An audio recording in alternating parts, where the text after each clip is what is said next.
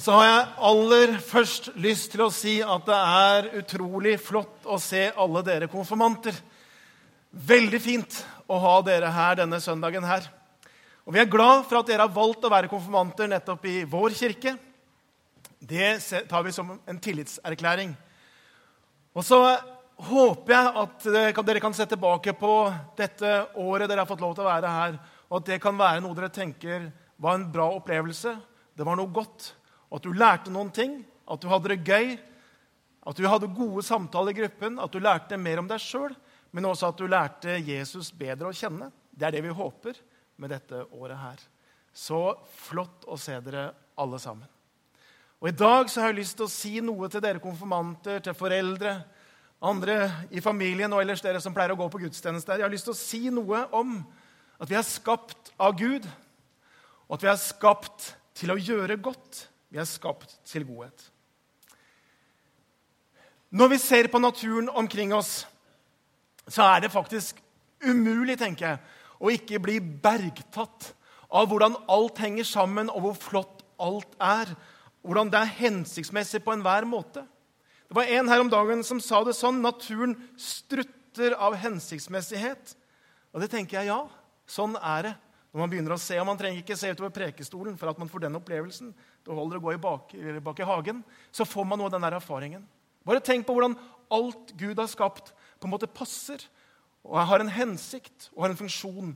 Ta fisken, som har sitt rette element i havet, i sjøen. Og her er det noen laks på vei opp ei elv. Hvordan de beveger seg, hvor frie de er i sitt rette element. Eller fuglene som flyr under himmelen og kan på en måte bare henge der, nærmest i det tomme rommet. Og så har det fascinert mennesket til alle tider. Hvordan er det mulig? Så skjønner vi noe av det nå. Eller dyr som beveger seg utover landjorda, og som eh, gir oss også det vi trenger. Denne kua bevegde seg ikke veldig mye utover landjorda, men det var et fint bilde. Blomster og trær som Gud har skapt, og så står de der i jorda, og så har de masse funksjoner. Blant annet produserer de oksygen, luft, til alt som lever.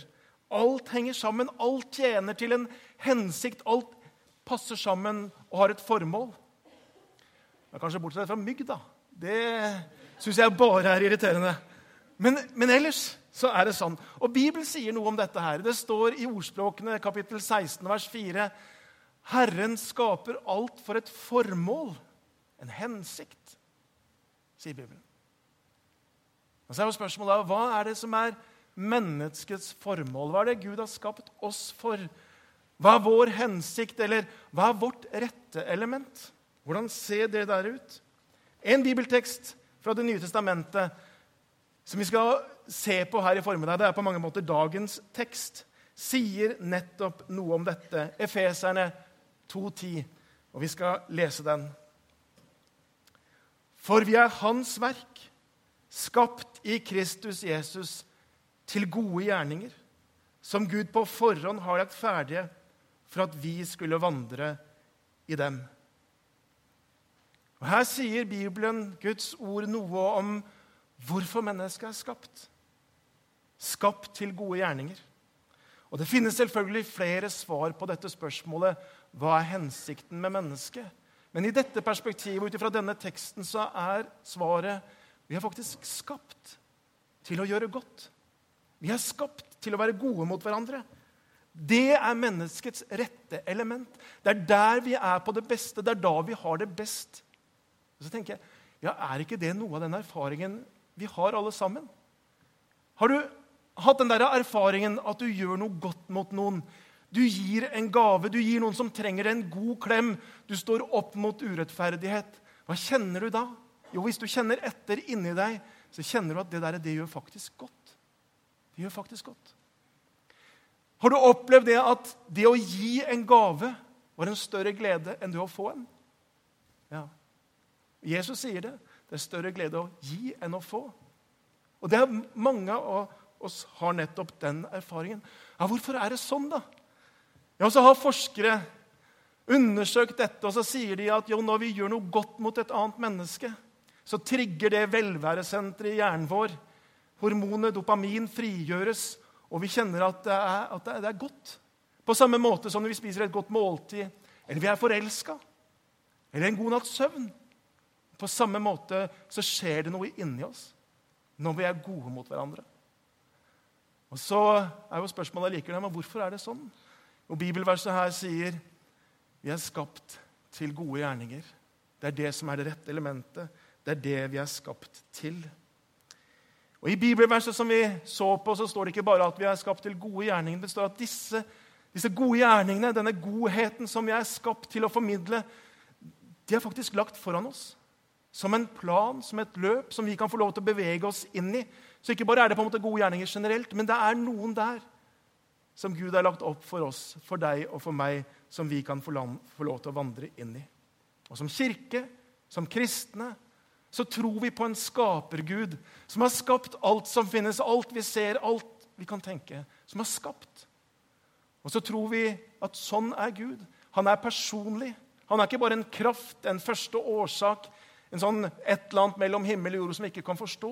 Men Bibelen forteller at han er en levende, han er virkekraftig, og han har en plan for våre liv. Gud er også en kjempende Gud som kjemper midt i denne verden her, og som kjemper fram fred, forsoning, frihet mellom nasjoner og folk, mellom grupper, men også mellom enkeltpersoner og midt i familien. Så er Gud en kjempende Gud som står opp for fred, barmhjertighet og forsoning. Og så er jo spørsmålet ja, men hvordan er det Gud handler, da? Når vi ber bønnen i Fader vår, vår Far, komme ditt rike, skje din vilje. Hvordan er det Gud handler? Jo, Gud bruker veldig ofte mennesker. Vanlige mennesker. Og i Bibelen så finnes det så utrolig mange beretninger om ulike mennesker som ble brukt av Gud. Abraham, som vi hørte om så vidt, som vi skal snakke om på søndagsskolen. David, Noah, Salomon, i Det nye testamentet, Peter, Johannes, Paulus. Det er vanlige mennesker som Gud noen ganger bruker på en helt uvanlig måte. Ordinære mennesker som du og jeg, som Gud bruker på en ekstraordinær måte. Sånn er det Gud handler. Og sånn tenker jeg, sånn er det også i dag. Gud bruker helt vanlige mennesker til å bringe fram fred, forsoning og barmhjertighet. Med et kall fra Gud var det Martin Luther eh, jr. Eh, King drømte og kjempa fram afroamerikanske rettigheter. Og Hvorfor gjorde han det? På den siste talen han talte før han ble skutt, så sier han dette. Han sier, 'Jeg ønsker bare å gjøre Guds vilje'. Som et kall fra Gud var det han gjorde nettopp det. Som en tydelig kristen ikke-voldsbevegelse var det bevegelsen Solidaritet i Polen kjempet fram endringer i det samfunnet. Og Så var det på kristen grunn, og det var kristne mennesker som sto i spissen. Biskop Desmond Tutu forkynte og ba fram forsonings- og sannhetskommisjonen i Sør-Afrika. Og bidro til at det landet ikke endte i en grusom borgerkrig, men at det faktisk ble fred, det ble forsoning.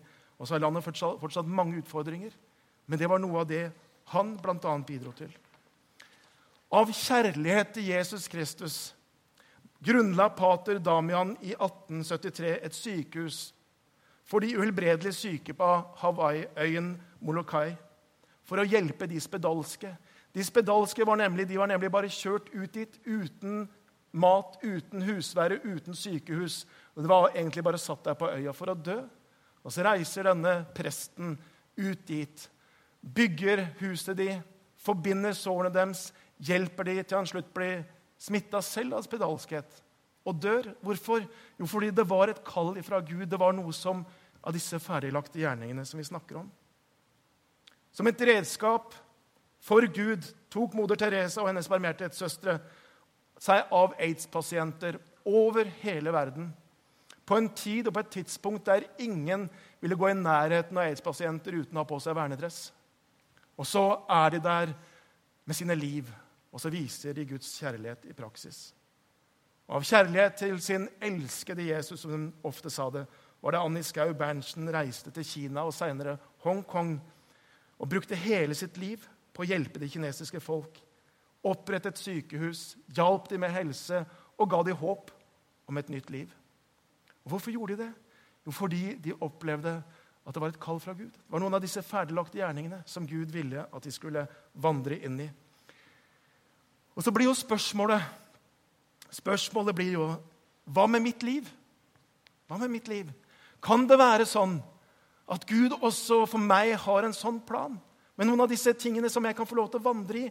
Ikke for å bli en sånn berømthet, men der jeg er på skole, på jobb, i nabolag, i familie, finnes det noen av dette Guds plan for mitt liv?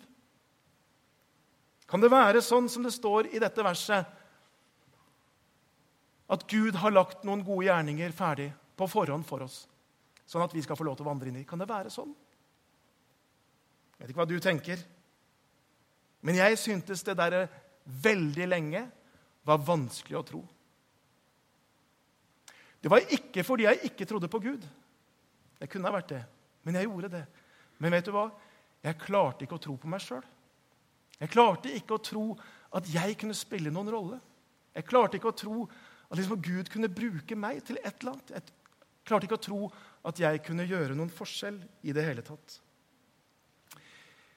Tenk deg en skala fra minus 1 her borte til minus 10 her et sted. Tenk deg en sånn skala som handler om din opplevelse av deg selv. Ikke sant? Og Hvis du er her på pluss 10, da, mener, da er du på toppen. altså. Da er det I'm the king, I'm the man. Ikke sant? Da, da, tenker du at hadde folk bare vært halvparten så fantastisk som det jeg er her, da hadde verden vært et bra sted å leve. Ikke sant? Dessverre er det ikke det.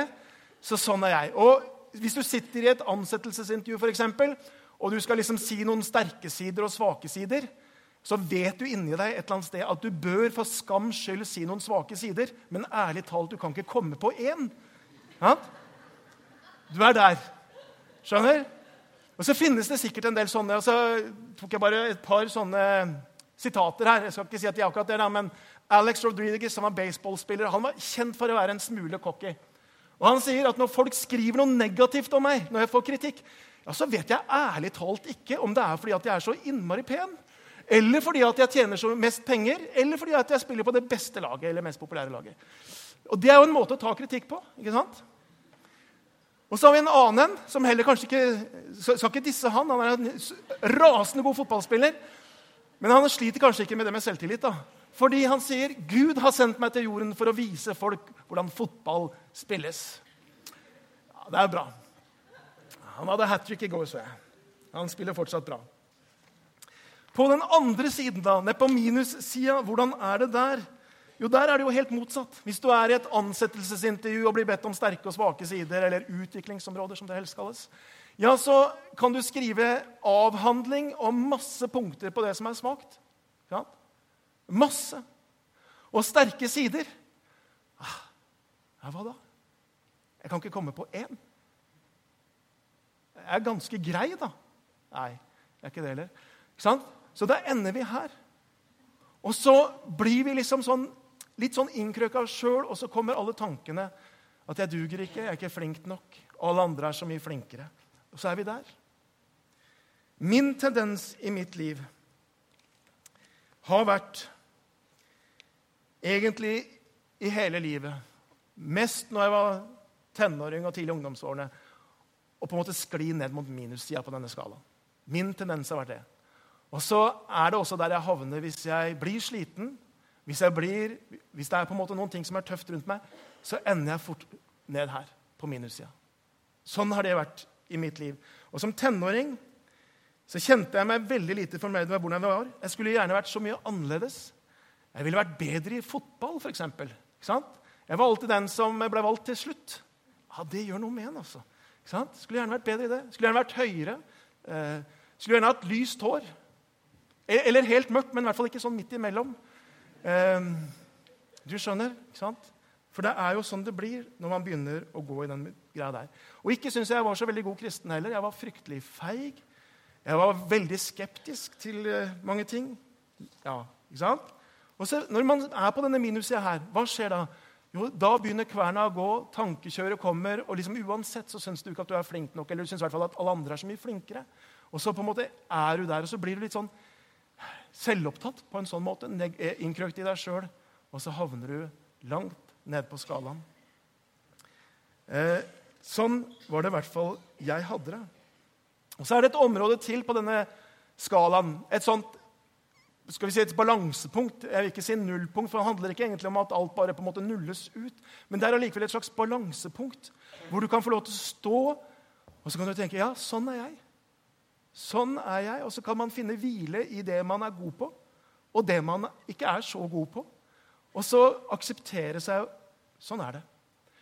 Eh, og Noe av det der handler jo om å på en måte se at Gud har skapt meg sånn jeg er. Vi skal komme tilbake til det.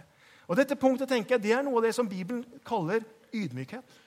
Ydmykhet er ikke langt ned på minussida, sånn som man fort tenker seg. Ja? Men ydmykhet er faktisk å kunne stå der og akseptere sannheten om seg sjøl. Guds sannhet om meg. Og det å tenke at ja, jeg er meg, og allikevel være avhengig av Gud. Sann ydmykhet handler noe om dette. Og så er det det at Når vi er der, i en sånn balanse, så skjer det noen ting. For hva skjer hvis vi er her oppe? Ja, Da blir vi ganske selvsentrert. er dere enig? Da blir man ganske cocky. Da er det ikke så lett å se andre. Da, da er man mest, først og fremst opptatt av seg sjøl. Det er ganske opplagt. Det rare er jo hvis man er helt nede på minussida her, så skjer faktisk noe av det samme. Det er helt annerledes. Men man på en måte blir allikevel innkrøka i seg sjøl. Og så begynner man å tenke å, åssen har jeg det? Og stakkars meg. Og hva vil de andre tenke om meg hvis jeg sier det? Eller liker de meg egentlig hvis de visste at? Og så begynner man å tenke sånn. Og så er det også en selvopptatthet i det. Men når man står i dette balansepunktet et eller annet sted Det er ikke tror jeg, et sånn snevert punkt. Et eller annet sted her. Og hva skjer da? Jo, da settes vi i frihet også til å se andre mennesker og til å gjøre godt og bry oss om andre. C.S. Lewis han sier det sånn Sann kristen ydmykhet er ikke å tenke mindre om seg selv, men å tenke mindre på seg selv. Tygg litt på den. Den tror jeg sier noe veldig vesentlig om hva på en måte dette sunne stedet i livet å være er. I teksten vi leste, så står det noe som betydde veldig mye for meg i den vandringen jeg hadde. Eh, for det står noe om at vi er hans verk. står det. Ser dere det ordet der? Vi er hans verk. Hva betyr det? Jo, Dette ordet betyr jo egentlig kunstverk. Eller faktisk dikt. Det greske ordet bak dette ordet for verk er det samme som det er ordet bak det engelske 'poem'. Det er, vi er et dikt. Vi er hans kunstverk. Hva betyr det?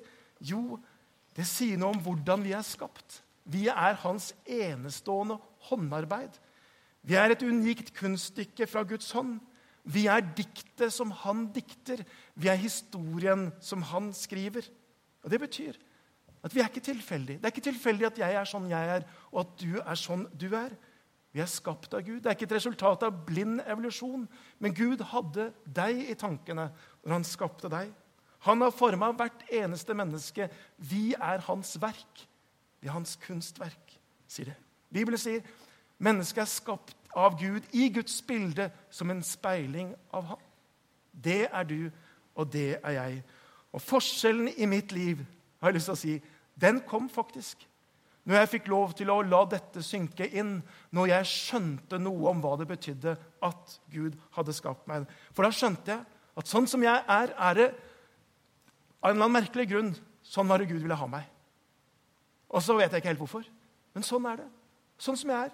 Det var ikke et mistak, det var ikke en feil, det var, ikke noe som liksom ble mislykka. Men sånn er det Gud ville ha meg, og derfor er jeg sånn. Og når det begynte å gå inn og gå opp for meg, ja, så gjorde det noe med min egen selvfølelse og mitt eget selvbilde. Det er utrolig mange stemmer i dag som skal fortelle oss hvem vi er, og om vi har verdi eller ikke. Det er så mange stemmer. Så det som er viktig, det er hvilke stemmer er det vi lytter til. I samfunnet, verden rundt oss, så defineres vi gjerne som verdifulle fordi vi er populære, fordi vi er blant de kule, fordi vi blir invitert i de rette selskapene, eller fordi vi har penger og kan kjøpe de rette tingene den rette mobilen, de rette klærne. Eller at vi har bra og høy utdannelse og gjør karriere. Ja, da er vi verdifulle. Eller at vi har mange Facebook-venner. Eller at vi får minst 300 likes på et nytt profilbilde. Eller kanskje enda bedre mange følgere på Instagram. At det hagler med snaps osv. Da er vi verdifulle. Bibelen definerer oss på en helt annen måte. Og ikke på en sånn verdi over hvor kule eller rike eller et eller annet vi er. Men vår verdi defineres ut ifra dette alene. At Gud har skapt oss. Det gjør noe fantastisk med alle. Det betyr at uansett hvem vi er, barn, voksne, om vi er eldre, om vi er menn eller kvinner, alle raser, alle grupper, høy eller lav utdanning, fattig, rik, de som føler seg at de lykkes, eller de som roter det til Alle har samme verdi fordi vi er alle skapt av Gud. Det defineres på en helt annen måte. Og i dette mylderet her av ulikheter og forskjelligheter som Gud har skapt, hvor alle har samme høye verdi, i dette mylderet, der står jeg, og der står du. Det er den verdien Gud har på deg. Og en siste ting. Ikke noe sted ser vi vår egen verdi høyere enn når vi ser korset. Og vi ser Jesus som dør for oss. Tenk dere, Jesus Kristus, Guds enbårne sønn, person i treenigheten, sant menneske, sann Gud, dør der, uskyldig, en langsom, pinefull død, og roper til slutt, Gud, Gud, hvorfor har du forlatt meg? Hvorfor? Hvorfor? Jo, ett av de svarene er i hvert fall dette. Det var fordi det var den verdi han satte på ditt liv. Bibelen sier, 'For så høyt elsket Gud verden', at han ga sin sønn den enbårne, for at hver den som tror på ham, skal, ha, e, skal ikke gå fortapt, men ha evig liv. For så høyt har Gud elsket deg, at han var villig til å gi sin eneste sønn for ditt liv. Det er din verdi. Så høyt, så høyt prissetter Gud deg. På 80-90-tallet var det en, en, sang som var i hvert fall populær i kirkene. Men det var en strofe i denne sangen som jeg på en måte bærer med meg. og som jeg tror, ja, For den betydde noe spesielt for meg i den tiden jeg var. Men det står der Gud, din nåde er større enn ord kan si. Gud, din nåde viser meg min verdi. En ufattelig pris har jeg kostet deg. Gud, din nåde er liv for meg. Din nåde, det det kosta. Jesus, død, korset. Det er det. Det er det som viser meg min verdi, og det er også din verdi. Jeg har valgt å la Guds ord være den stemmen som jeg vil lytte til. Fordi min erfaring er at det er det er her sannheten finnes. Om meg, om Gud og om menneskene omkring meg. Der er sannheten. Og veien for meg til et mye sunnere selvbilde og selvfølelse det har faktisk vært å la denne sannheten blitt en plattform og et ankerfeste i mitt liv. Og ikke lytte på alle de stemmene som finnes om hva som gjør meg verdifull. For det er ikke sannheten. Her har vi sannheten. Jeg har fått lov til å lande mitt liv i dette bibelverset som jeg har delt i dag, og som er et av mine absolutt favorittvers. Så jeg har bare lyst helt på slutten her, at vi skal lese det en gang til. Og så skal vi ta med noen vers til før, fra vers 8 i festerbrevet kapittel 2, hvor det står For av nåde er dere frelst ved tro. Det er ikke deres eget verk, men Guds gave. Det hviler ikke på gjerninger, for at ingen skal skryte av seg selv. For vi er Hans verk, skapt i Kristus Jesus, til gode gjerninger som Gud på forhånd har lagt ferdige for at vi skulle vandre i dem. Og dette er plattformen i mitt liv. Jeg er skapt av Gud slik han ville. Med både det som jeg liker ved meg sjøl, men også det som jeg lenge tenkte jeg skulle hatt annerledes. Jeg har fått lov til å lande i det. Han har skapt meg med mine sterke sider. Og så har han faktisk også skapt meg med de sidene som ikke er så bra. Og vet du hva, Det er jo underlig noen ganger, det er snodig, for jeg opplever jo at noe av det som jeg tenkte var mine svake sider, noen ganger så er det det Gud bruker. Gjennom tolv års skolegang så hata jeg framføringer. Gjennom tolv års skolegang klarte jeg aldri å lese høyt i en norsktime uten at det ble stotring og stamming og klassen lo. Og så er det det snodige er at i mitt voksne liv så har Gud brukt meg til å undervise og til å preke. Er ikke det rart? Men sånn er det ofte Gud er. Vi sier noen ganger at skatten er i leirkar, så det skal bli klart at den rike kraft er av Gud.